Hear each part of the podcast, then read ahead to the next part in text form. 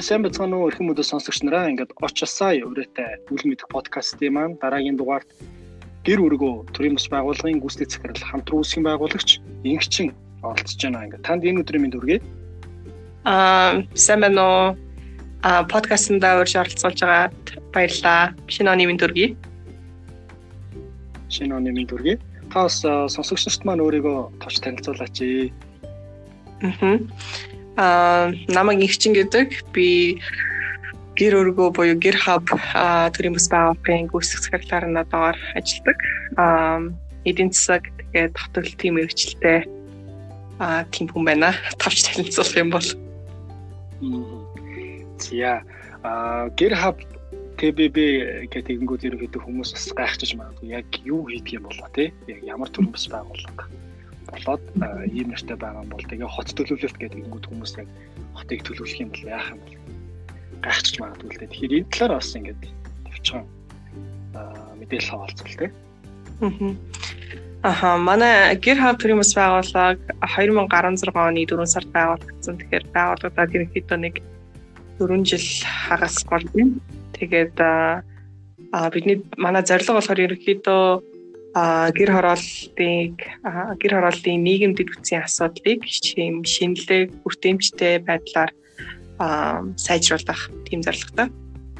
Тэгээд бид зорилгынхаа хүрээнд болох ерөнхийдөө төсөл хөтөлбөрүүдийг хэрэгжүүлдэг. Аа манай яг төрийн бас байгууллагыг мэддэг хүмүүс бол нэлээ юу хийдгийг нь бол мэддэг баг. Гэхдээ бид нэр гэр плагин гэдэг нэг одоо хот сүрэн газарт тохиромжтой ч юм уу орчин үеийн гэрийн загварыг боловсруулсан байгаа. Тэгээд бид нар ерөнхийдөө манай нэг гол үйл ажиллагааны чиглэл юм бол нийгмийн инновац гэдэг чиглэл. Тэгээд тэр чиглэлийнхаа хүрээнд бид нар Монгол гэрийг сайжруулах тийм зорилготой үйл ажиллагаанууд хэрэгжүүлдэг байгаа. а Монгол гэрийг сайжруулах гэхээр бас гайхчих магадгүй хүмүүс а бид одоо Монгол гэрчийн бол угаасаа 2 3 мянган жил одоо сайжруулчихсан нэлийн төгс болчихсон тийм нүдэштэд тохирсон орон сууцны хэлбэр. Гэхдээ а яг бид нар чинь нөгөө хотчоод хоцорын газарт амьдраад удаагүй байгаа. Тэгээд хоцорын газарт ингээд бөөгнөрчгөрөө а нөгөө малын гаралтай түвшинд багасчдаг тийм үү те. Тэгэхээр ингээд айгүйх агаарын бохирдол үүсгдэг нэг орон сууцны хэлбэрүүдийн нэг болчихж байгаа. Тэгэхээр бид нар тэрийг нь одоо яаж суурин газарт Монгол гэрээ авч хадгалж үлдэх үү? Суурин газарт ямар ямар хуу байх юм бол бас манай Монгол гэр бидний ирээдүйн нэг хэсэг байж болох уу гэдэг асуултыг одоо асуулт болон асуудлыг шийдэх гээл явж байгаа юм уу та. Тэгээ тэр ажилтнахаа хүрээнд Монгол гэрийг Монгол гэрийн ялангуяа дулааны одоо юу юм бэ? Дулааны thermal performance гэдэг байхгүй дулааны дулаан алдагдлыг нэлээд судалсан. Бид нар тэгээд ерөнхийдөө монголчууд монголчууд угаасаа өөрсдөө мэддэг штэ те а хаалгаар алддаг тооноор алддаг шалаараа алддаг ч юм уу те тэгээд ерөнхийдөө Монгол гэрчин тийм органик орон сууц учраас ер нь бүх талаараа орон энэ дулаанаа алдж идэг. Гэхдээ яг аль аль аль алиас аль аль талаас илүү их алддгийг алийг нь илүү одоо битүүнжлэх юм бол илүү дулаан алдагдал нь багасхын гэдэг ч юм уу. Тэрийг нь илүү яг юм дататай дата цөөрөлсөн байдлаар шийдэхийг бид нар зорж байгаа. Тэгээд нөгөө үндсэн одоо чиглэл юм бол бид нар боловсролын чиглэлд нэлээ сүүлийн 2 3 жил хөтөлбөр хөтөлбөрүүд хэрэгжүүлээд явж байгаа. Тэрний нэг том хөтөлбөр нь болохоор манай гэрүүдэ гэдэг хөтөлбөр. Аа тэр нь болохоор ерөөдөө 10 ерхий боловсролын сургуулийн 10 жилийн ахлах ангийн хүүхдүүдэд зориулсан тийм аа 21-р зууны 21-р зуунд хэрэгтэй гэсэн зөөлөн чадруудыг олгох хөтөлбөр. Тэгээд инновацийн инновацийн хөтөлбөр, тэгээд залуу хот судлаач хөтөлбөр гэсэн нэг хоёр хөтөлбөртэй богино болон урт хугацааны тэгээд сургуулиудтай хамтраад өөр бас залуусын боловсролын хүүхдийн боловсролын байгууллагатай хамтраад одоо нөгөө лего тоглоом гэж яддаг шүү дээ. Лего тоглоомоор хэлээд лего болон бас өөр янз бүрийн тийм шинэлэг тийм зүйлүүдийг ашиглан хүүхдүүдэд яаж сургуулийн материалуудыг илүү ойлгомжтой тийм тоглонгоо яаж сурч болох вэ гэдэг ч юм уу те тийм юмнуудыг нэвтрүүлэх гээд л явж байна да. Маш сонирхолтой чиглэлээр ажиллаж байгаа төрөмс байгууллага байна. За ер нь аа анх мэрэгчлээ та яаж сонгосон бэ? Мэрэгчлээ юу би бакалавра ерөөхдөө аа эдийн засгаар хийсэн Америкт эдийн засгийн бакалавртай. Тэгээд эдийн засгийг анх сонгохдоо болохоор аа яагаад сонгосон бэ гэхээр айгу ерөнхий сэдв. Тэгээд айгу олон талын мэдлэгтэй болох юм байна гэж бодсон. Эдийн засгийг суртсан байхад одоо дэлхийн системүүдийг яаж ажилладаг те а мэдээ э, сонсож байхад мэдээ ойлгодог болчих юм байна те ерөнхийдөө ингээд юм ерөнхий мэдлэг аягүй сайжрах юм байна гэдэг шалтгаанаар эдийн засгийн мэрэгжлийг сонгосон байна.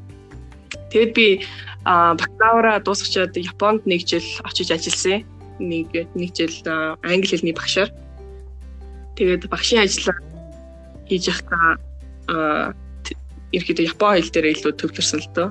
Тэгээд угаасаа би нөгөө сурж байхдаа оюутан байхдаа Япон хэл сурдаг байсан. Тэгээд манай багш чи нэг чамд нэг ийм боломж байна. Чи сонирхох уу гэхээр би OTT гээд нэг жил Япон руу тэгээд явцсан. Тэгээ Японд байхдаа а Японы нөгөө олон хотуудаар нь аялж үзээд тэгээд амар амар гоё ерөнхийдөө аюу сайн төлөв сэтгэлтэй тэгэл амьдрахад аюу таатай а тэр бүхнүүд нь ингээл тэр бүх юмдаа амар дасцсан. Тэгээд жилийн дараа Монголд ирсэн чинь Улаанбаатар Улаанбаатарын гудамжуудыг мэдж байгаа шүү дээ. Тэгэл бүх чехнүүд бүх юмна бүх одоо мэдрэхүүгээ ашиглаж иж явах хэрэгтэй. Тэгэхгүй бол бүдрээ дуудаж. Дээрээс нэг юм дунцч магадгүй те. Тэгэл айгу асуудалтай юм бол тэгэл нэг шүлсэрмэр гэл янз бүрийн юм дээр гიშгч магадгүй л айгу сонор сэрэмжтэй явах хэрэгтэй. Тэгэл тэгэд ажиллаж байхдаа ерөнхийдөө намайг айгу бухимдуулдаг юм айгу хоттой холбоотой юм байна. Яг миний орчинтой холбоотой, хотын орчинтой холбоотой. Тэгээд бухимдаад явж ирснаас ерөнхийдөө аа нэг юм сураад тэгээд өөрийн хувь нэмрээ оруулаад шийдэлт нь хувь нэмрээ оруулаад явж ивэл одоо одоо миний сэтгэлд үеиг юм байна гэж бодоод тэгээд хот төлөлтийн мэрэгжлийг аа ажиллаж байхдаа юу нь бол сонирхоод тэгээд тэрүүгээрээ сурахаар шийдсэн.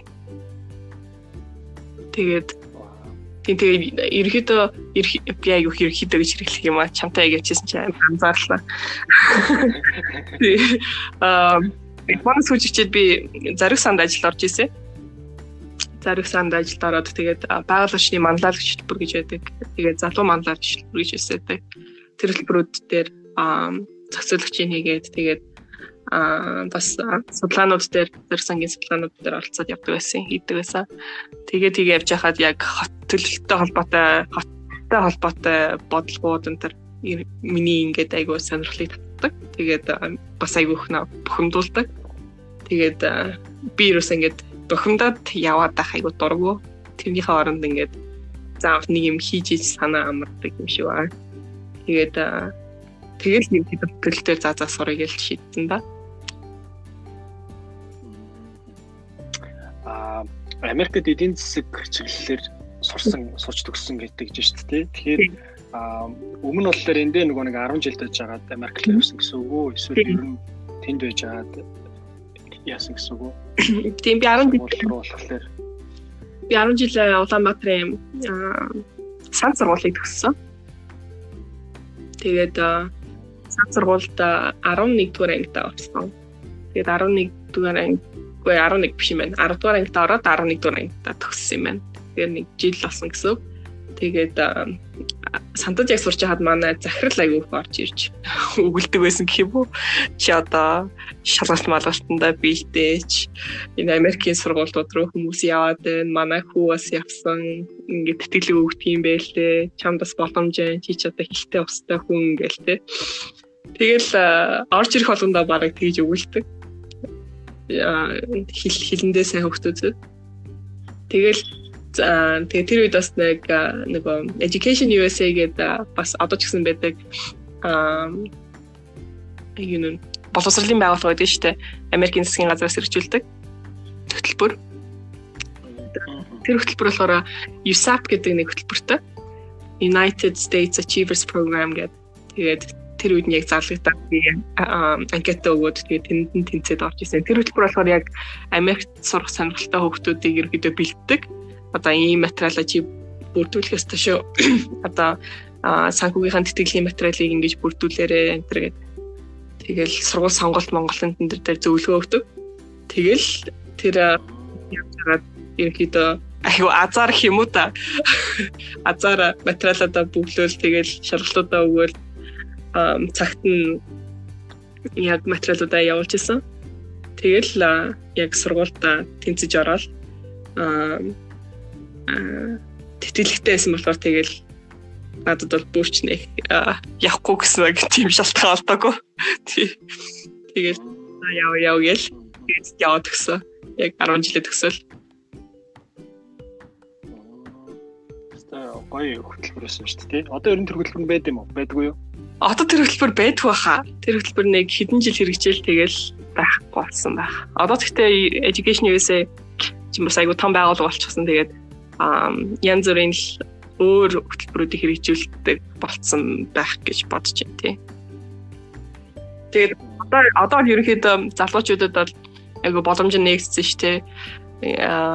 юу юугаа бэлдэх хэрэгтэй тэр бүх мэдээллүүд нь байдаг болсон. Намайг ч одоо сургуульд аппликейшнээ явуулж байхад бол тийм мэдээллүүд айгу ховор байсан шүү дээ. Ер нь Америкт явах явж сурах боломжтой гэсэн ч нэг сайн мэддэггүй. Тийм. Тэгээд тэр үед харин яг зөв сургуультай зөв захирлын захиралтай байж таарсандаа айгу баярлдаг. Тэгэл айгу азар Америк явцсан юм шиг санагддаг. Нөгөө нэг манай нэг өмнөх дугаарыг нэг зочин бас нэг ярьслага өгтөө өгч явахдаа юу хэлсэн баггүй юу? Америк руу нөгөө сургуульд явна гэдэг тухайн үед нөгөө төлөвлөдөг юм бол мөрөддөг гэсэн тийм. Тэгсэн чинь харин одоо нөгөө нэг 10 жилийн боловсролын систем нь ондоо штэ манахаас. Аа нөгөө 12 жилтэй тэгэнгүүт энд нөгөө 11 жилтэй гэдэг тэгэнгүүт нөгөө жилийн ялгаа гараад тэгэнгүүтээ зөрүү гарангууд нөгөө их сургуулийнхаа 3 дугаар курсээс гингүүд тухайн нөгөө нэг руугаа шилжиж очиж сурч болдог. Кредитээ нөгөө нэг тооцоолж болдог. Тэгээд тухайн үед кредит нөгөө системлүүч манайх чинь ер нь их ороод удааг байсан шүү дээ. Тэгэхээр зөвхөн шүрэгддэг сургууль гэсэндээ зөвхөн байсан. Тэгэхээр магадгүй нөгөө нэг тухайн үед зөвшөөрөгдөөд ингээд хай скуулын зөвшөөрөгдөөд чад бакалавр сурсан гэхээр бас их үнэхээр айгүй том нөгөө нэг боломжууд гарч ирсэн байх гэж бодож байна л доо. Аа. Аа зя. Одоо тэгэхээр нөгөө нэг та тодорхой хэмжээнд нөгөө нэг яг э, эдийн засгаар сураад тэгээд дараа нь хөдөлгөөлтөөр сураад тэгээд энэ чиглэлтэй өөрийнхөө ингээд э, бодож явдаг асуудлуудад тий солиушн гаргаад ингээд явж байгаа хүний хувьд ер нь одоо яг ямар санагдаж байна вэ? энэ чиглэлд ингээ ямар ч солиушн гаргаа явж шүү дээ. Яг би яг нэг өөрийнхөө хэмжээнд л ажиллаад явж байгаа та. Аа тэгээд хотод л болохоор ерөнхийдөө Монголд айгу орхигдсан байсан сэдв баггүй юу? Тэгээ саяхны хүртэл хот төлөлтийн ангич гэж бараг их сургуулиудаар байдгүй. Тэгээ саяхнаас л ергээд хот төлөлтийн одоо мэрэгчлэлд анхаарлаа тавиад хот төлөлтийг одоо болох хэрэгтэй байна гэдэг тийм одоо тийм тийм зүйлийг ухаарсан гэх юм уу да манай монголчууд. Тийм тэгээд одоо бол айгүй олон хүмүүс хот төлөлтөөр сурдаг болчихсон. Тэгээд яваа явандаа энэ мэрэгчл Монголд бас хөгжих байх л та. Тэгээд мэрэгжлийн байгууллагууд нь бий болох байх одоо одоогийн байдлаар бол миний мэдхээр тийм мэрэгжлийн байгууллагын төрөл гэж байдгүй. Тэгээд төрийн байгууллагууд ч гэсэн яг төлөлтийн мэрэгчлэнүүдийг яг ямар хөө байдлаар ажиллах нь ажиллуулах нь тодорхой биш юм уу те? Илүү дандаа зураг төсөл ч юм уу данд хот төлөлт гэхээр айгүйх архитектортой холбох гээд байдаг. Архитектор заавал ингээл зураг зурдаг ингээл дээрээс нь харж ал инженерийн зургуудын зургуулалт те? Тийм тийм мэрэгчлэлтэй хүн гэж айгүй боддөг юм шиг байна. Гэхдээ орчин үед бол хот төлөлт гэдэг хүн бол ер нь бол ямар ч хүн байж болно, ямар ч одоо эдийн засгаар сурсан байж болно, философоор сурсан ч байж болно, түүхээр сурсан ч байж болно те. Тэгээд ямар ч хүн одоо бакалавра ямар ч мэрэгчлэр сурсан байж болно. Магистрат гэхдээ хот төлтөр хийж болдог болсон байхгүй юу. Тэгээд яагаад тэгдэг вэ гэхээр хотын айгу олон хүний нэгдэл тэгээд ингээд олон хүний аа одоо ашиг сонирхлыг бодолцох хэвээр. Тэгээд зүйлийг одоо ойлгодог байх хэрэгтэй. Тэгэхээр ийм уялдаа холбоонуудыг ойлгодог илүү систем систем төлөвлөлтөг хүмүүс юм уу та тийм. Тэгэхээр тийм болчихсон. Тэгэхээр хот төлөлт хот төлөвлөгч гэдэг хүн одоо эрүүл мэндийн мэрэгчлэлтэй байж болно тийм. Тийм тэгээд аа айгу уян хатан тэр ойлголт нь айгу уян хатан болцсон. Тэгэхээр бас энэ үйл мэдэх гэдэг подкастыг сонсдог залуучууд их юм бол бас хот төлөлт гэхээр л ингээл би заавал архитектор, архитектор байх хэрэгтэй гэсэн тийм бодолтой л битгий гэж бодоорой гэж хэлээ тий. Тэгээд тий яг манай Монголын хувьд бол хот төлөлтийн мэрэгжил яг үндэ анхан одоо анхан шатныхаа төвшөнд явж байгаа. Тийм тэгээд би болохоор яг яг төрийн босын чиглэлээр өөрөө олон жил ажиллажсэн. Тэгээд яг өөрийнхөө сурсан юмнуудаа ингээд хэрэгжүүлэл өөрийнхөө хэрэгжүүлэл явж байгаа. Хамтрагчтайгаа нийлээд тий аа тэр одоо яг яг ямар одоо ямар байд хиндэ надад бол миний бодлоо би бол өөрийнхөө л амьдарч байгаа учраас надад бол мэдээж яриг сайхан байгаа. Тийм гэхдээ манай улсад энэ хот төлөлтийн мэрэгжил мэрэгжлийн одоо байгууллага нь сайн хөгжсөн байсан бол илүү өөр одоо илүү чих наашин өөр төвшөнд ажиллаж явах байсан болов уу гэж бодож байна. Аа түрүү нөгөө нэг та тэгжсэн шүү дээ. Одоо нөгөө нэг Японд ингээд жишээлбэл ингээд очиод ингээд ажиллаж хахад болохоор ингээд бүх юм нь ингээд айгүй гоё төлөвлөгдсөн. Айгүй цэгцтэй гэдэг ийж шүү дээ. Тэгэнгүүт ингээд Монголд болохоор эсэргээрээ ингээд бүр ингээд те газар тэнгэр шиг ялгаатай гэдэг шиг ингээд огт өөр тийм. Аа тэгэнгүүт энд ямар ч нэг шийдэл олох хэрэгтэй гэдэг ингээд нэг бодож байгаа. Аа яг энэ шийдэл нь энэ чиглэлээр ажиллах юм байна гэдэг ингээд ажиллаж явж шүү дээ. Аа тэгэнгүүт магадгүй одоо аа одоогийн хийж байгаа анх эхлүүлснээсээ одоо ингээд дүгнэхэд жишээлбэл яг нэг ийм төвшөнд ямар тааж жижиг жижиг ч гэсэндээ юм өөрчлөлтийг бол хийхэд хувь нэмэр оруулсан байна гэж одоо яг ямар зүйлийг хийсэн байна вэ? Аа а манай байгууллага яг юугаараа бахархдаг вэ гэхээр одоо бол ерөнхийдөө Монгол гэрийн судалгааг айгу мэрэгжлийн төвшөнд хийсэн бид нар энэ судалгаагаа Америкийн Пенсильвани их сургуулийн байгууллага хүчин дээлтэй барилгын төв гэж байдаг. Тэгээд тэд нар одоо тэр төвийн мэрэгчлэлттэй профессорудтай хамтарч энийгээ хийсэн байгаа. Тэгээд манай энэ санаачлаг томроод нөбийн хүүхдийн сангийн дор ороод тэгээд бүр өргөчөд явсан. Баян хонгорт ингээд хэдэн зуун айлыг одоо Монгол гэрт гэрт оршин сууж байгаа айлуудыг дулаалсан байгаа. Тэгээд ийм багц ийм дулаалгын багц гарах гаргачихсан. Тэгээд тэр нь одоо ингээд зах зээл нэвтрээд явж байгаа. Тэгэхээр тэр бол манай байгууллагаас анх санаачилж хийсэн ажлуудын нэг том нөлөөллийн ажил юм болов уу гэж бид нар бас одоо боддог. Тэгээд өөр нэг ажиллах юм бол бид нар сая өнгөрсөн жил яг цангын хайрхан дүүргийн 43 дугаар хороонд олон нийтийн төвтэй болсон. Тэрийгээ Хонконгийн их сургуулийн архитектурын судалгааны төв байдгийн Rural Urban Framework гэдэг. Тэгээд тэд нартай хамтраад тийм өвөрмөц дизайнтай бас л эрчим хүчний хэмнэлттэй загвар гэсэн тийм тийм загварын дагуу байшингаа барьсан байгаа. Тэгээд харамсалтай нь ковидос болоод ерөнхийдөө нээлтмэлт нь бүх юмуд нь хойшигдчихэл байна л та. Тэгээд тэр төв маань одоо идэвхтэй болохоор бас олон залууст хүч ажиллана гэж бид нар бодож байгаа. Олон ажлуудаас төлөвлөж байгаа. Тийм тэгээд манай гэрүүдээ гэдэг хөтөлбөрийг одоо ерөнхийдөө 10 жилийнхэн бас нэлээд айгу сайн мэддэг болчихсон. Тийм тэгээд хит хитэн төгсөлттэй одоо дөрвөн дөрвөн групп төгсөлтийг хийцэн бай. Тийм тэгэхээр тэр манай ажил ерөөхдөө жил жил тэгэл улам өргөжөөл улам сайжрал явж байгаа гэж би хувьдаа боддог тий.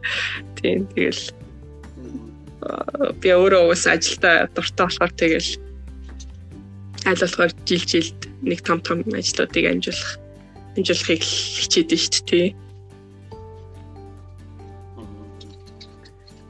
Яа. Тэгвэл одоо ер нь таны сонгосон мэрэгжилтэй яг ийм ийм ийм ийм ийм одоо нэг ур чадрыг шаардна гэвэл яг ямар ямар ур чадруудыг шаарддаг вэ? Одоо гол онцлог одоо жишээлбэл яг ийм гурван ур чадвар бол яалтчгүй шаарддаг гэвэл та яг ямар гурван ур чадрыг нэрлэх вэ? За а төлөлтийн чиглэл төлөлт гэдэг төлөлтийн одоо мэрэгжилтэй болж байгаа болох гэж байгаа хүүхдүүд одоо байх юм бол ерөнхийдөө олон хүмүүстэй харьцаж чаддаг байх хэрэгтэй юм уу? Ерөнхийдөө 21-р зууны чадрууд гэдэг нь шүү дээ. Нөгөө харилцааны чадвар, тэгээд одоо эргцүүлэн бодох чадвар, хамтарч ажиллах чадвар, тэгэл нөгөө бүтээлч чадвар энэ гэдэг нь шүү дээ, тэ. Тэгэхээр ерөнхийдөө яг энэ хүн төвтэй бүх чадрууд хот төлөвлөгчдөд байх хэрэгтэй юм шиг санагддаг. Яагаад гэвэл бол улс төрчдөд ажиллах хэрэгтэй энгийн иргэдтэй ч ажиллах хэрэгтэй тий. Тэгээд төрийн албанынхантай ч ажиллах хэрэгтэй, бизнесийнхэнтэй ч ажиллах хэрэгтэй. Тэгэхээр харилцааны чадвар айгүй сайн байх юм бол айгүй сайн хот төлөвлөгч болох юм шиг санагддаг. Ягаад гэвэл хот төлөвлөгч гэдэг хүн чинь орчин үед ерөөхдөө одоо зохицуулагч баг гэдэг мэрэгжил юм болцсон гэх юм уу та. Бүх хүмүүсийн хооронд нь ингээд зохицуулж идэг, бүх хүмүүсийн эрх ашигыг ингээд хооронд нь ингээд авчирч ингээд нэгтгэж яадаг. Тий. Тэгэхээр нэг харилцааны чадвар бол сайн байх юм бол аа давуу тал болно. Тэгээд мэдээж яриг хот төлөвлөж байгаа хүн бол ирээдүйг харж чаддаг байх хэрэгтэй. Тэгээд ирээдүйд одоо дэлхийд даяар ямар ямар трендтэй байна, ямар ямар асуудлыг яаж шийдэж чинь тэгээд айгуу тийм системээр юмнуудыг бодож чаддаг тий. Тэгэхээр системээр харж чаддаг, ирээдүйг харж чаддаг, төлөвлөж чаддаг тийм байх хэрэгтэй. Тэгжиж бид нар одоо ирээдүйд оршин тогтнох хотыг бас төлөвлөж чадгаа. Тэг за гурав дахь нэг юм бол одоо юу хэмдэ өөр юм бодогдохгүй энэ хоёр дээр зогсчдөг юм уу? Аа. Заавал гурав гэсэн байхгүй.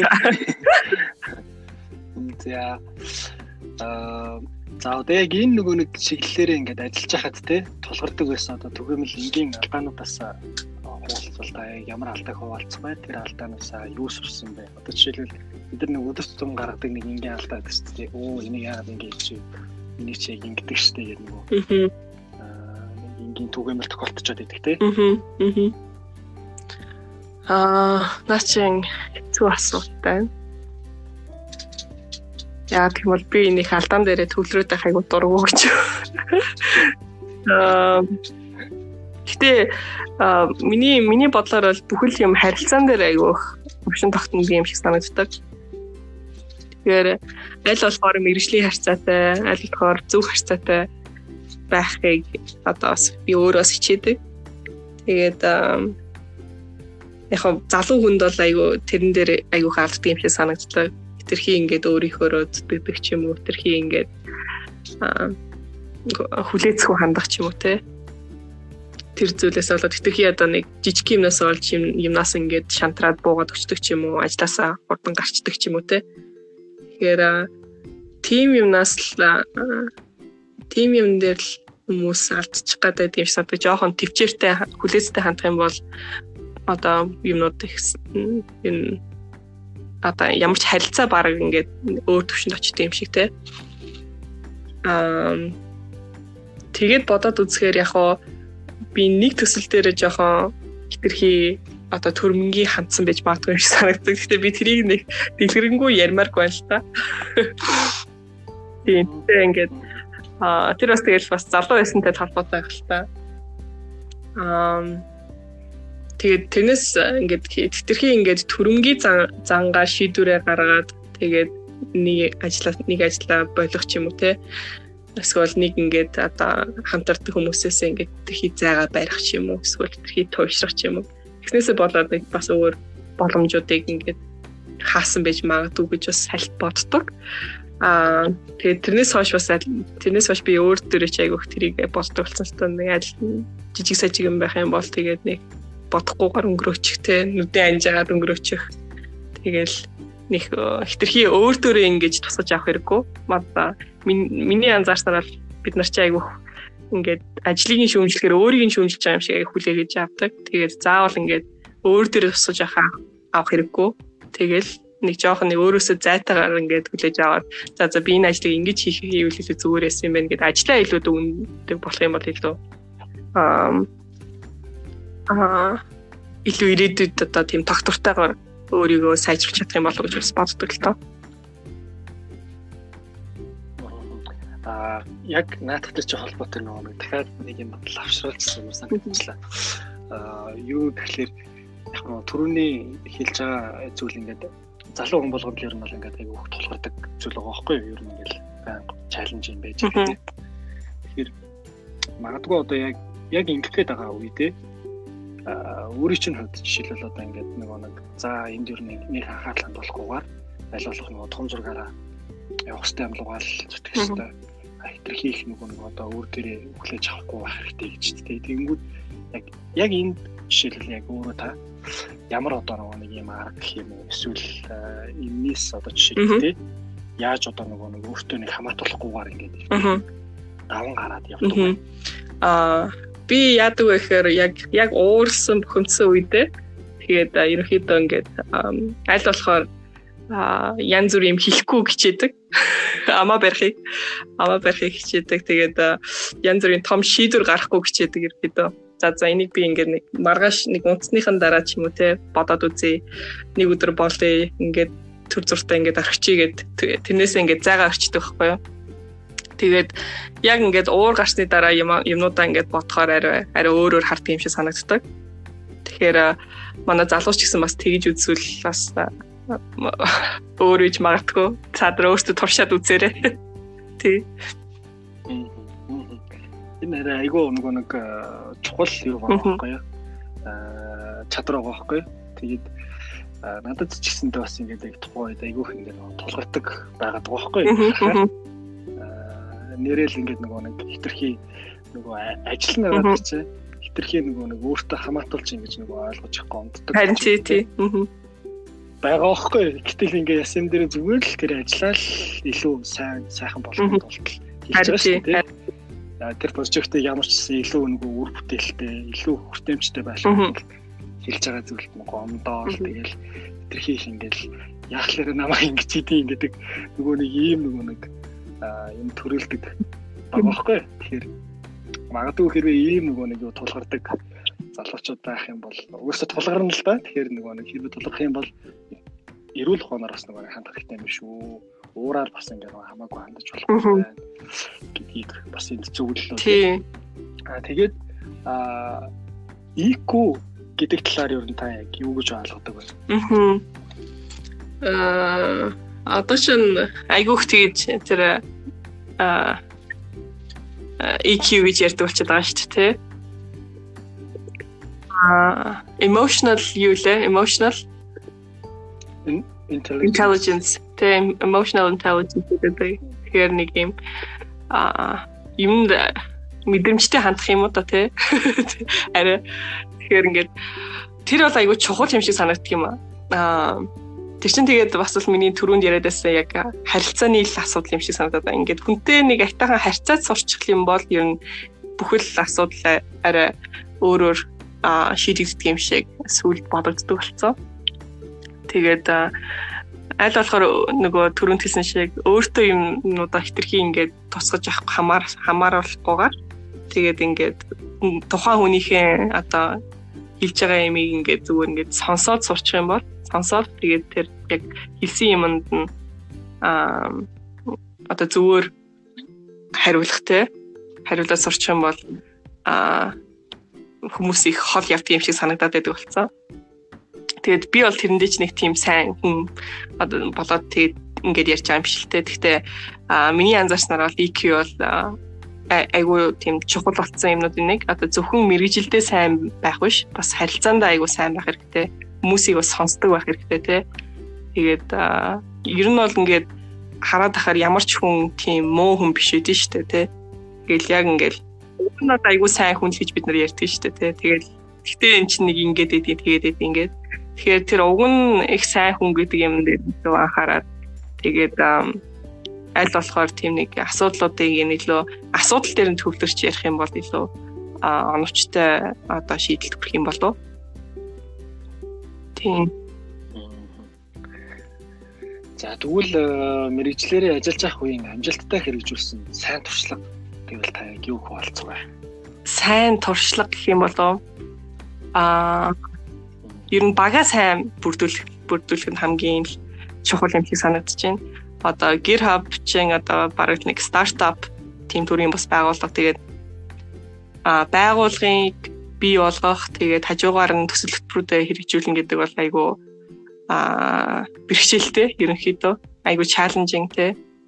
Айгүй химиг сордог яг л байгуулгын үнэт зөвлөдөө бий болох хэрэгтэй байгуулгын процессуудаа бий болох хэрэгтэй. Тэрнийхээ хажуугаар бас төсөлбөрүүд дээр анхаарна гэдэг бол надад бол үнэхээр бэрхшээлтэй байсан тэгээд гэхдээ ингээд зөв хүмүүстэйгээ ажиллахаараа ямар ч ажил айгүй гоё санагддаг надад бараг одоо юун дээр ч ажиллаж исэн хамт олон нь гоё юм бол ер нь юу ч хийж болох юм шиг надад санагддаг байхгүй юу. Тэгэхээр ингээд хамт олон айгу сайн бүртгүүлэх. Тэгээд хамт олон а олноо яг зөв олох нь айгу хүнд ад жаргалыг авчирдаг юм шиг санагддаг болсон. Тэгээд миний одоо яг одоогийн байдлаар бол манай гэр хав айгу гоё багтай. Тэгээд бид нар бүгдээрээ би бинтэйгээ хамт байх айгу дуртай. тий. Ямар ч гэсэн би миний хувьд бол тий тэгэхээр ингээд тэрэн дээр л айгүй анхаарч ин да. Тэрүүгээрээ бас харахдаг гэх юм уу? Тий. Яста нөгөө нэг баг айгу чухлаа гэдэг зүйлийг л амжилт гэж хэлээ шүү дээ. Тэгэхээр тэ бол би бол бас санал нэг байна. Тэгэхээр нөгөө нэг баг сайн байж ич альва нөгөө нэг юм төсөл юмуд бол амжилттай хэрэгждэг гэж угаасаа харсан. Тэгээ баг мэдэрсэн юм уу да. Тий, миний хувьд ч нөгөө бизнесийн байгууллагад ажиллаж байгаа сүүлд нөгөө нэг яг нийгмийн чиглэлд ажиллаад тэгээд ингээд буцаад бизнесийн чиглэлээр орж байгаа байхгүй. Тэгээ ингээд ер нь харахад нэг амжилттай сайн нөгөө нэг хэрэгжүүлсэн үр дүнтэй хэрэгжүүлсэн төслүүдийг харахаар дандаа нөгөө баг байгаа байхгүй. Айгу зөв нөгөө баг өрцөн учраас тэр нь айгу сайн хэрэгжсэн байх чинь. Тэгэхээр Энтэй бол магаангүй санал нэгдэж байна. Заашгүй дээ. Баг ут яач. Тий. А магадгүй нөгөө нэг ингэж бодчих магадгүй л дээ. А өөрийн чинь хувьд яг нөгөө нэг удирдах ажил хийгээд явж байгаа хүний хувьд бас нэг залуу магадгүй би нэг юм ТПБ-гээр нэг юм чиглэлд нэг асуудлыг шийдчихсэн гэдэг магадгүй удирдаад дөнгөж эхлэх гэж байгаа тийм эсвэл яг удирдаад яг яах удирдаад дөнгөж эхлээд яг яахаа мэдэхгүй байгаа ч юм уу юм залуу байлаа гэж тэгэнгүүт тэр залуу маань за би юу н одоо нөгөө байгууллагынхаа тэр нэг калчрыг яг юунаас эхлэх хэрэгтэй болоо а юунаас эхэлж ийж ингээд ийм сайн баг нь өөртөө ингээд бүтээд тэгээд амжилттайгаар ингээд нэг юм хэрэгжүүлэхэд хүч нэмэх юм болоо гэдэг үл яг иймэрхүү нөгөө нэг юугаа болно ингээд анхаарал эхэлжүүл дараа дараагийн зүйлүүд нь бол ингээд урсаад ингээд айгуу гоё явчихдаг юм аа гэдэг үл энэ дээр яг та юуг одоо нэг зөвлөж хэлэх вэ? Мм наа чи бас айгүй хэцүү л асуулт байна. Аа ер нь бол яг багтаа болохоор л тэрийг мэдтiin да. Ер нь багаараа юмнуудаа тодорхойлоод аа яг надад илүү амархан санагддаг. Хүмүүстэйгээ ярилцж байгаа дингүүл яаж ин тэгвэл яаж ин гэдэг Тэгээд хоорондоо нэг тийм нэгдсэн ойлголттой болж ийж ингээд бүгдээрээ хүлээн зөвшөөрөн. Тэгвэл нэг хүн ингээд бүх ингээд дөрмүүдээ гаргаад дөрм журмуудаа гаргаад манайх ингэ хэрэгтэй тэг хэрэгтэй гэд байх айгу одоо юу гэмдэ тийм тооновчтой санагдтгүү. Тэгэхээр аль болохоор л нөгөө багийнхаа хүмүүсийг оролцуулаад тэгэл а өөрөө тэрэндээ оролцоод тэгээд явах юм бол илүү а амжилтанд хүрэх бах. Аа тэгээд яг бас тэгтэн мэдээж хэрэг бас хүнд чинь өөрийн гэсэн үнэт зүйлүүд бас байгаа. Тэгээд тэгэхээр тэр үнэт зүйлүүдээ бас айгүй тодорхой байлгах хэрэгтэй юм шиг санагддаг. Миний хувьд бол одоо жишээлбэл юу гэдэг чинь те одоо ашиг сонирхлын тухай ч юм уу эсвэл юу гэдгийг одоо хүүхэд хамгаалах бодлого ч юм уу те.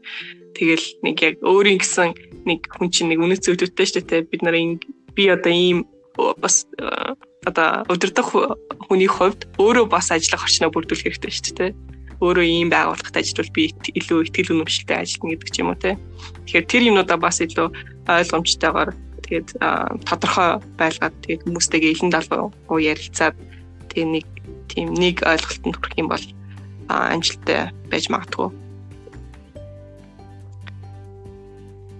Тэгэхээр яг нэг зүйл яг инг энийг анхаарах хэрэгтэй, тэрийг анхаарах хэрэгтэй гэхэд айгүй хэцүү. Гэхдээ а яг ялангуяа байгууллагын соёлын хувьд гэхдээ а одоо хамгийн анхаарах хэвээр зүйлүүд нь бол мэдээж жирэг одоо нөгөө governance засаглал байгаа шүү дээ. Засаглалаа айгуу сайн тодорхойлох хэрэгтэй. Тэгээд санхүүжилт байгаа санхүүгээ санхүүгээ айгуу ойлгомжтой байх байлгах хэрэгтэй. Тэр бол угаасаа гэхдээ одоо бүх ил байгууллагын анхаардаг гол зүйлүүдийн нэг баг л та. Тэгэхээр би тэрийг нэг ярьсангүй. Тийм.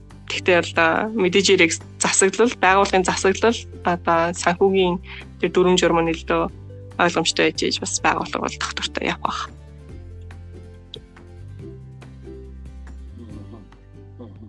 Аа түрүү нөгөө нэг үнэт зүйл нэгтэй байж иж юу нь бол нөгөө баг явна гэж тээ. Магадгүй одоо нөгөө нэг 2 3 хүн нэгдээд ингээд TPP-гээ байгуулчихж байгаа шүү дээ. За бид нар нэг ийм зорилгын төлөө ямар ч нэг ийм проблемыг хэдүүлээ шийднэ тий.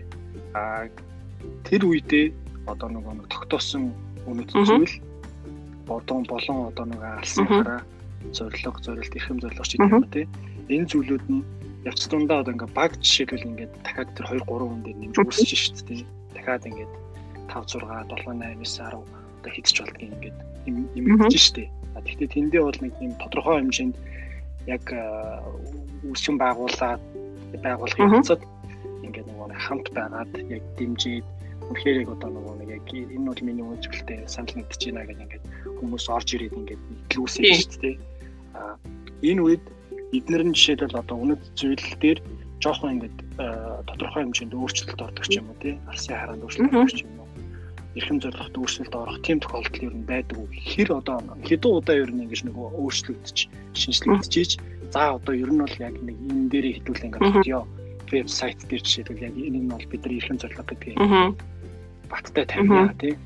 Гэдэг дээр ингээд тогтоход жишээлбэл яг хэдийхэр хугацаа магадгүй зарцуулах болоо аа одоо жишээлбэл манай байгууллагын хувьд тэр нь одоо ингээд өөрчлөгдсөн л байгаа. Бид нар ингээд 4 жилийн хувьд ингээд өөрчлөгдсөн баг багаар л нэг үгээр ч юм уу те нэг үг нэмдэг ч юм уу нэг зүйлийг хасдаг ч юм уу. Тэгэл баг багаар ингээд бараг жил болгоо өөрчлөгдөж идэг байхгүй юу? Тэгэхээр ингээд тэрийг бол одоо хэдэн ч удаа өөрчилж одоо тэгээд хизээч өөрчилж болох юм шиг санагддаг. Гэхдээ яг үнийг хэлэхээр ингээд төлөвлөрүүдэд хэрэгжүүлээд явж хахад тэр бүх юмнуудыг одоо тэр чинь бас ингээд стратегийн өөрчлөлтүүд тахгүй юу?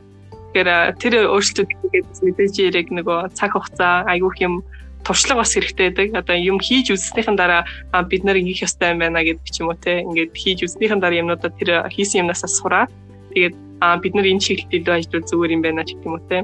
Яг яг манай байгууллагын хувьд бол яг тийм замналаар явж байгаа л та. Тэгээд юмнаа хийж үзчихэд аа бид нар чи ийм хийх гээд байгаа юм байна штэ шиг юм уу те. Тэгэхээр ийм юм хийх гээд байгаа юм чи манай зорилгын зорилго дээр энийг нэмж өгвөл зүгээр ч юм уу эсвэл энийгээ жоохон ингээд өөрчлөх зүгээр ч юм уу те. Тэр ярианууд араараасаа ингээд яваад эхэлдэг байхгүй юу?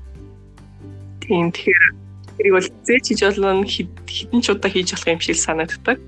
Тэг ялангуяа байгууллага эхэлж байгаа нөхцөл байдалд бол тий Тэгээд 20 30 жил болсон байгууллагууд бол арай илүү доктортой болчихсон өөрсдийн гэсэн байр сууриа нийгэмд олчихсан байдаг. Гэхдээ дөнгөж хэлж байгаа байгууллагууд бол тэрийг өөрчилж болно гэдэг нь айгүй гоё тийм давуу тал нь юм болов.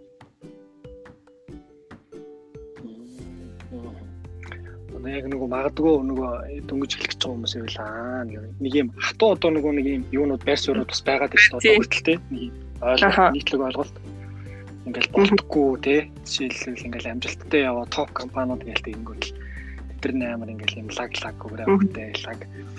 Аа юу алсын хараа те. Тэгэнгүүт ингээд нэг хажуу талд нь ингээд дөнгөж эхэлж байгаа нөхдөд харангуйтаа ингээл та энэ компани яаж юм алсын хараа. Харин тийм гэл те. Амар ингээ нэг юм. Нь ингээл ороод ингээл нөгөө Сион жишээлбэл одоо яана би одоо нэг юм байгуулцаа одоо нөгөөтөө хааш нь явуулах яах вэ та би өөрөө зорилгоо мэдгүй юм уу тий. Нэг ийм нэг юм нийтлэг ойлголт гэдэг шүү дээ.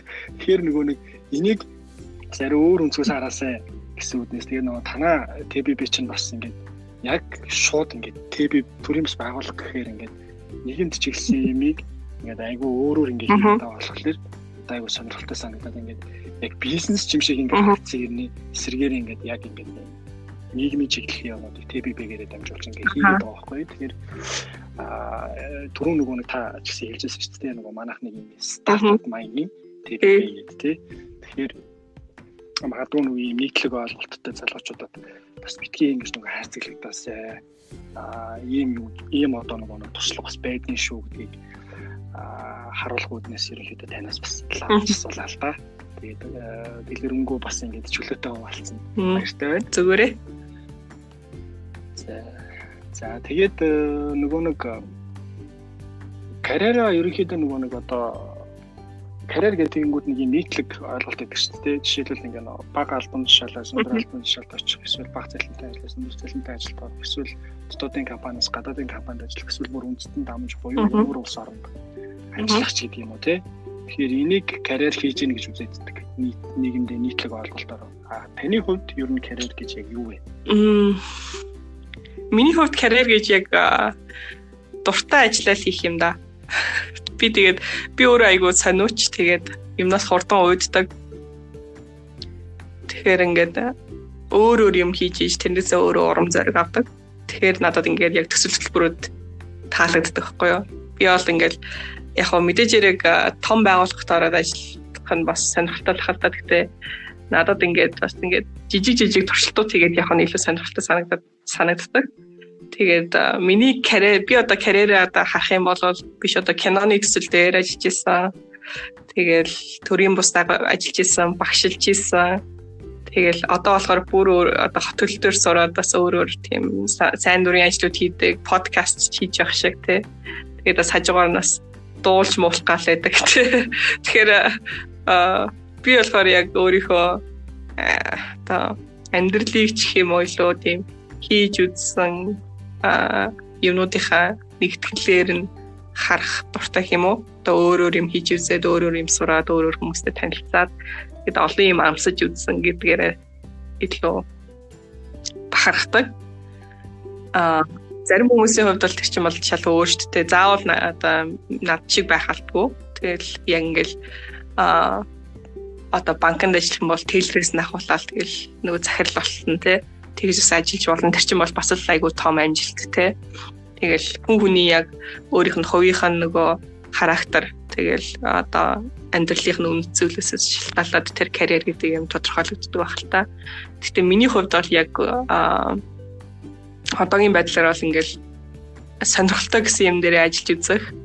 Тэгээд аа мэдэрч байгаагүй мэдрэмжээ авч үзэх. Одоо тэрийг л би баг карьер гэх юм уу? Карьер гэж хэлэх нь цаашаа тий. Тэр бол миний зүгээр одоо лайфстайл гэх юм уу та.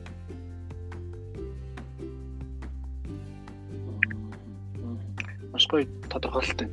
Аа магадгүй одоо нэг залуучууд нэлээд их сонсож байгаа болохоор нэрээ одоо одоо нэг ийм ойлголт бас яваад байгаа шүү дээ. Айгүйх яригддаг л та. Одоо хүртэл байгаа л та. Хүн нөгөө нэг дуртай зүйлээ олохын тулд бас нөгөө нэг дээрэс нь би яг энүүгээрээ ажиллахад ингээд надаа ингээд бас нэг юм тодорхой хэмжээнд э, баяр баясгал өгч явах хэрэгтэй шүү дээ тий. Гэтэл ингээд нөгөө баяр баясгал өгөхгүй зүйл дээр ингээд өөрөө өөрийгөө хүчээр ингээд хадаад байлгана гэдэг бол яг ингээд дараа дараагийн генерашнүүдэд бол жишээлбэл яг нэг өөрсдийнх нь хувьд бол ийм бол биш ээ гэдгийг ингээд мэдэрдэг юм санагдаад байгаа байхгүй. А тэгэнгүүт магадгүй нөгөө нэг яг тэрийг нь эсрэгээрээ нөгөө нэг байгууллагууд юу гэж харж байгаа гэхлээр докторгүй нөхөр тий докторгүй нөхөр ингээл орж олгорч яваад байна гэд тий айтал тэр хүн ингээд буртаа зүйлээ. Би яг ийм ийм л хийх ёстой. Ингээд тултал төрсөн юм байна гэд тий гэдэг ч юм уу яг ингээд юм олох гээд байна одоо шүү дээ тэгэхээр энэ үнцгээс харах юм бол нөгөө залуучуудад бас би бас ингэ хийгээд үзчихлэх юм байна өөрчлөх хөндлөлаад а ингээд жишээлбэл а би яг ийм тийм чаддсан байна. А ийм бол юм хүү байдсан байна. А би бол ийм чиглэлээ хийм хийхэд бол одоо л ингээд илүү асаргалтай байх юм байна гэдэг тий. Баяр баясгал ядч өгөх юм байна. Тэгэхээр би ийм чиглэлээр ажиллана одоо бол харамсалтай зүйл юм байна тий. Тэгэхээр миний хувьд бол нөгөө нэг яг өөрөө ч гэсэн яг тиймэрхүү зам талаар явцсан болохоор ч тэр юм санагддаг байхгүй юу? Чаддаг зүйлээ нөгөө нэг хаана ажиллах, ажиллах дуртайгаа яг юунаас баяр баясгал авдаг хүн нөгөө мэдчихэж амьдрал эцээцт нөгөө хүн чинь нэг л өдөр бүхэлгүй шүү дээ. Тэгэл ингээл хүүхдээ би яг юуны төлөө амьдсан бай гэдэг нь дургу ажиллахаа төлөө ингээд хөдөлмөрлөөд аа үхч ивэл ингээд хамтлагаа санагдаж байхгүй. Эсрэгээр дуртай зүйлээ хийгээд баяр баясгалаа аваад тэгээд ядаж нэг харамсгааргүй нэг нөгөө бодож исэн зүйлээ энийг хийгээд үтгийнсэн да гэж мөрөдөж өгч хахаар ядаж тэрийг хийж үзчихэд болтгүй болоогүй алдсан ч гэсэндээ тэрэндээ нэг харамсахгүй а ийм л байсан шүү дээ бодоод. Одоо нөгөө нэг яах юм зүгээр гэж боддог байхгүй юу? Тэгэхээр энэ өнцгөөс бол айгу залуучуудад бас нэлээд хэрэгтэй зүйл хэлсэн болов уу гэж бодож байна. Тэгээд анх нөгөө Зүгээс аа тэгэл ерөнхийдөө аль болох тэгэл амьдралчин бол тэгэл бас нэг баланс шүү дээ. Юмнуудаа баланслуулаад тэгэл юм аль болохын одоо нэг тогтургуу гэж ярьсан шүү дээ. Бас тим залуучуудаас аягүй их болцсон юм шиг санагддаг л та. Тэгээд яг олон юм хийж үзэж болно. Гэхдээ нэг юм хийж эхэлсэн бол ямар ч байсан нэг одоо тэр гэрээнийхээ хугацаанд ч гэх юм уу тэрийг нэг ажлаа нэг мэрэгжлийн төвшөнд хийдэг байх хэрэгтэй юм шиг санагддаг. Тэгэхгүй ингээд нэг ажлыг дундаас нь хаяа явчихдаг хүмүүс байх юм бол бас би тэр хүмүүст бол нэг тийж зөвлөхгүй гэж. Тэгээ нэг ажлаа одоо олон сольж болно. Гэхдээ тэрийг айгу мэрэгжлийн төвшөнд солих хэрэгтэй тий одоо хизээ ажилласаа гарах байгаа сайн мэддэгддэг байх хэрэгтэй. Тэгэл ямар хөө төлөвлөлтөй байгаагаа одоо удирдлагатайгаа яриад ойлгуулцдаг байх хэрэгтэй тий. Тэгэл э, бүх юмыг жоохон мэрэгжлийн төвшөнд хийх ёстой юм шиг санагддаг. Ялангуяа тэр манай Монгол залуучууд тэр тэр талаараа айгүй суу санагддаг. Аа одоо ингээд хараад байхад ерөөсөө ингээл хийлж ярихгүй алга болчдөг тий. Тэр тэр тэр зүйлд бол би бол үнэхээр айгүй төвчээргүй байдаг. Тэгээд одоо хүн чинь хилтэй болсны нэг шалтгаан хүнтэй ойлголцох шүү дээ. Тэгэхээр тэр хил усаа ингээд ашиглаад хүнтэй нэг өөрийгөө ойлголцдог төвшөнд очих хэрэгтэй юм шиг санагдаж байгаа. Тэгэхээр мэдээж яриг ажиллаа бол олон сольж болно. Ялангуяа 20-30 насны хооронд бол ер нь бол туршилтын одоо айгу гоё насууд шүү дээ бүх юмнуудыг хийж болж үзэж болох.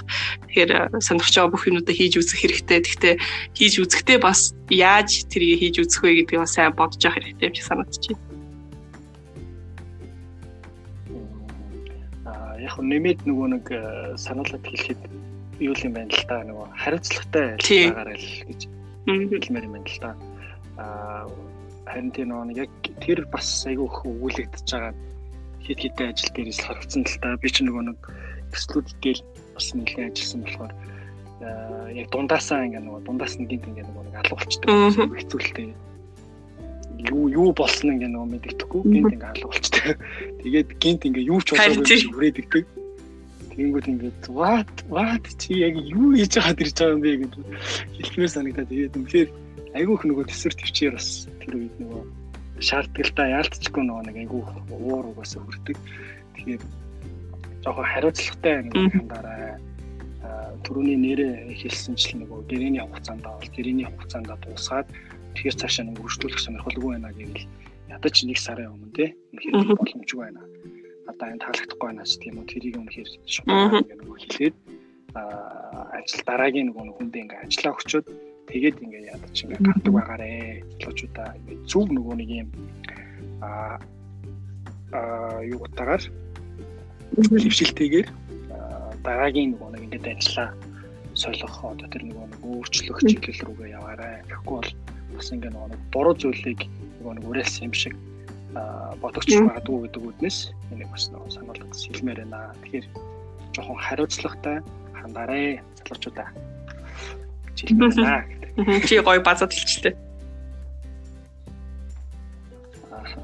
За та ажлын гараагаа ер нь хаанаас эхэлжсэн бэ?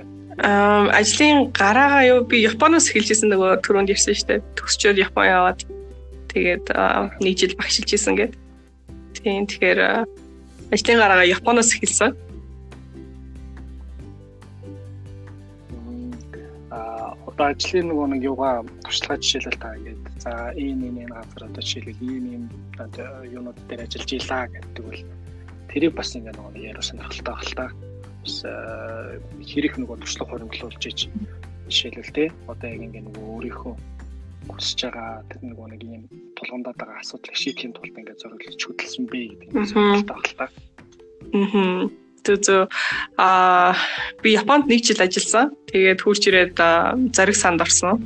Тэгээд зариг санд янз бүрийн төсөл хэлбэрүүд дээр ажилладаг. Аа 3 жил баг 3 жил ажилласан. Тэгээд магистр хийсэн байхгүй юу? Англид. Аа Англид тэгээд нэг жил хотелтын магистра хийчээд хурж ирээд гэр хабаа байгуулсан.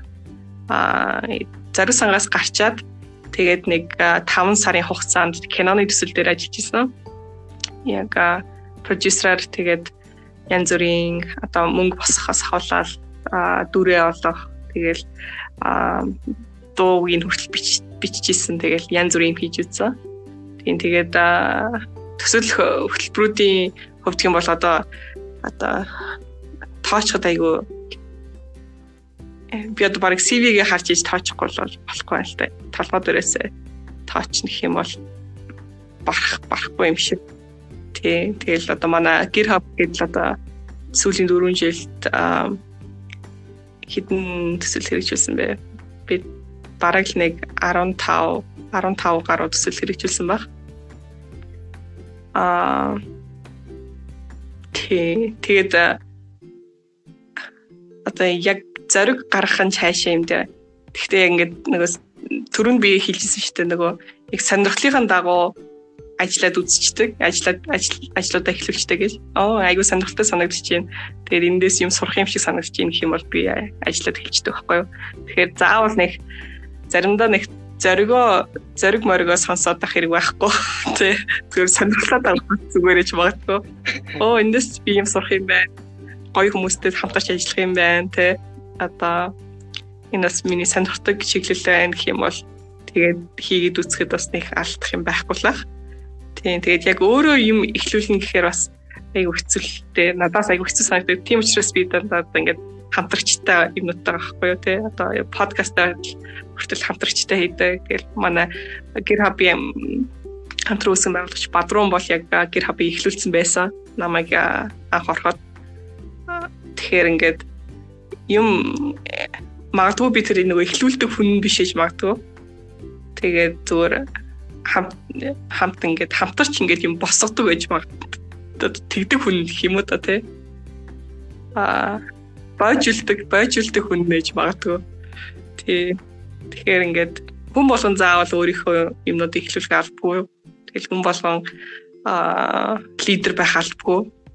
А яг сонирхлынхаа дагуу ажиллаж амьдраад тэгээд тэрнээсээ кайф аваад тэрнээсээ суралцаад нь илүү надаа илүү жинхэнэ санагддаг.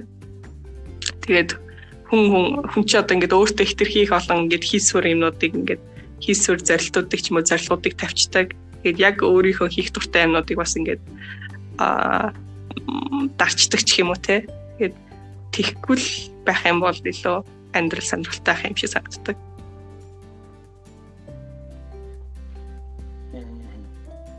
Аа Яа тэгвэл магадгүй одоо нэг энэ чиглэлээр сурах гэж байгаа эсвэл одоо дөнгөж ажил дээр гарах гэж байгаа залуучууд байвал ямар зөвлөгөө өгөх вэ? Энд дээр юу н анхаараарай. Энийг юу н бас бодож байгаарай тэгвэл хот төлөлтийн чиглэлээр үү? Тий хот төлөвлөлт одоо эдийн засаг гэдэг магадгүй яг одоо яг ажиллаж байгаа чиглэлээр тань одоо ажиллах гад юм уу эсвэл одоо нэг яг энэ чиглэлээр би юу нэ сураад өсөөд яг ийм хийхэд аа гэж байгаа тийм залуучуудад. Тийм би залууст бас юу зөвлөдөг вэ гэхээр аа хүн чинь ингээд дуртай юм бол айгүй хэцүү юм шиг санагддаг ер нь бол. Тэгээд айгүй олон сонирхол байдаг. Гэхдээ дуртай яг юм олох айгүй хэцүү. Тэгэхээр ингээд дургүй юм олоход айгүй амархан. Тэгэхээр дургүй юмнуудаа айгүй хурдан олж авах хэрэгтэй юм болов Тэгэхээр э, дургүй юм олохын тулд айгүй олон янзын юм хийж үзээд те. За энэ миний хийх юм шиг наа. Эндээс би ирч хүч авдгүй юм байна гэд тэднийхээ ингээд тодорхойлчих юм бол дараа дуртай юмнууд нь ингээд тунаад үлччихсэн юм шиг санагддаг. Тэгэхээр тэр тэрнийхэн дагуу тэгээд янз бүрийн боломжуудаас гарч ирдэг юм шиг санагддаг.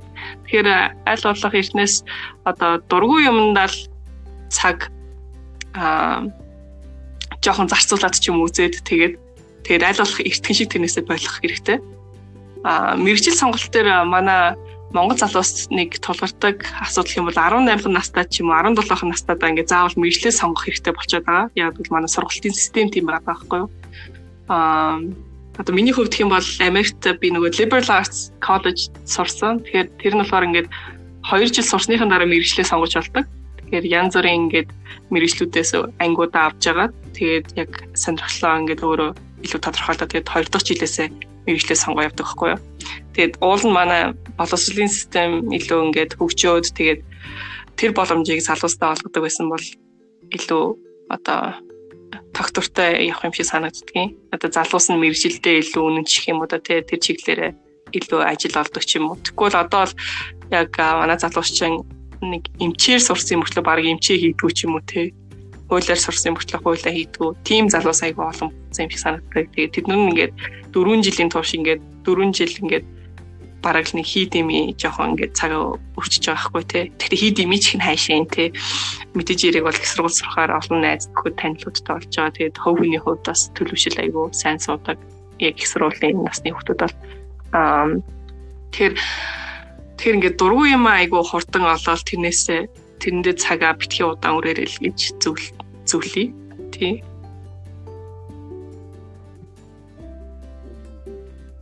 Аа та ер нь сайн дурын ажил хийдэг үү? Хийдэг бол ер нь яагаад хийдэг вэ? Яагаад чухал юм бэ? Мм би сайн дурын ажлууд дээр бол сайн дурын төслүүд дээр бас нэлээд их ажиллаж байсан. Аа одоо жишээл манай Нисхи хот гэдэг подкаст бол миний сайн дурын ажил. Тэгээд сайн дурын ажил ч одоо тэгэл нөгөө ямар ч тийм мөнгө төгрөг хардггүй тийм харилцаа нь үсээгүй болохоор айгу аа айгу цаг зарцуулж чаддаг юм шиг санагддаг. Тэгэл а нэг ихтгэл үнэмшлэрээ яг юмудаа хийдэг болохоор айгу тийм гоё pure гэдэг шүү дээ. Тийм нэг цэвэр ариун хөдөлмөр хийгээд байгаа юм шиг санагддаг. Яа тэгээ сайн дурын ажил хийж байгаад бас айгу хүүхд одоо ялангуяа залуу сайн дурын ажил хийх юм бол нөгөө айгүй хэм сурдаг. Одоо өөрөөсөө илүү туршлагатай, илүү магадгүй илүү боловсралтай тийм хүмүүстэй ажиллаж үзэх гэсэн үг. Эсвэл одоо ажиллаж үзээгүй юм дээрээ ажил үзээгүй сэдвэрээ сэдвтээ илүү одоо expose болонтой илүү а тийм сайн дурын ажил хийхээр ерөнхийдөө тэгэл хүн бас аюу хэн сурдаг шүү дээ. Нөгөө миний сая түрүүнд дургүй юм аас орно. Дуртай юм аач орно. Тэг хүлээж авч оролцсон явдал маш их баярлалаа. Тэгээ цаг цав гаргаж оролцсон сонсогч нарынхаа өмнөөс миний зүгээс манай подкастын зүгээс маш их баярлалаа гэдэг дахин дахин хэлмээр байна. Тэгээд шинэ оны хамгийн анхны дугаарт гэдэг оролцсон. За намайг гүйл мэдих подкастад урьж оролцсон мөмчтэй баярлалаа. Тэгээд чамдас ажлын өндөр амжилт хүсье. А шинэ оны анхны дугаарын оролцогч болсондоо бас баяртай байна. Тэгээд сонсогчдоо бас шинэ оны мэд хүргэе. Тэгээд миний ярьсан зүйлүүдээс ганц хоёр нь сонирхолтой байсан гэж бас найдаж байна. Аа тэгээд манай GitHub-ийн үйл ажиллагаатай github.org гэдэг вебсайтаар орж харж болно. Мад биднээс Facebook, Instagram дээр бас байгаа. Тэгээд очосоо явраатай үлмэд подкастын маань өнөөдрийн дугаарт гэр өргөө өдрийн бас байгууллагын гүйцэтгэх захирал хамтран үүсгэн байгуулагч Ингчин оролцлоо. Тэгээд та бүхэн авах гэхийн ухаанаар хандаад авах зүйлээ хүлээн аваад хаях зүйлээ хаях байх гэж найдаж байна. За тэгээд таалагдсан бол subscribe, like дараарай. Бусадтай түгээгээрэй.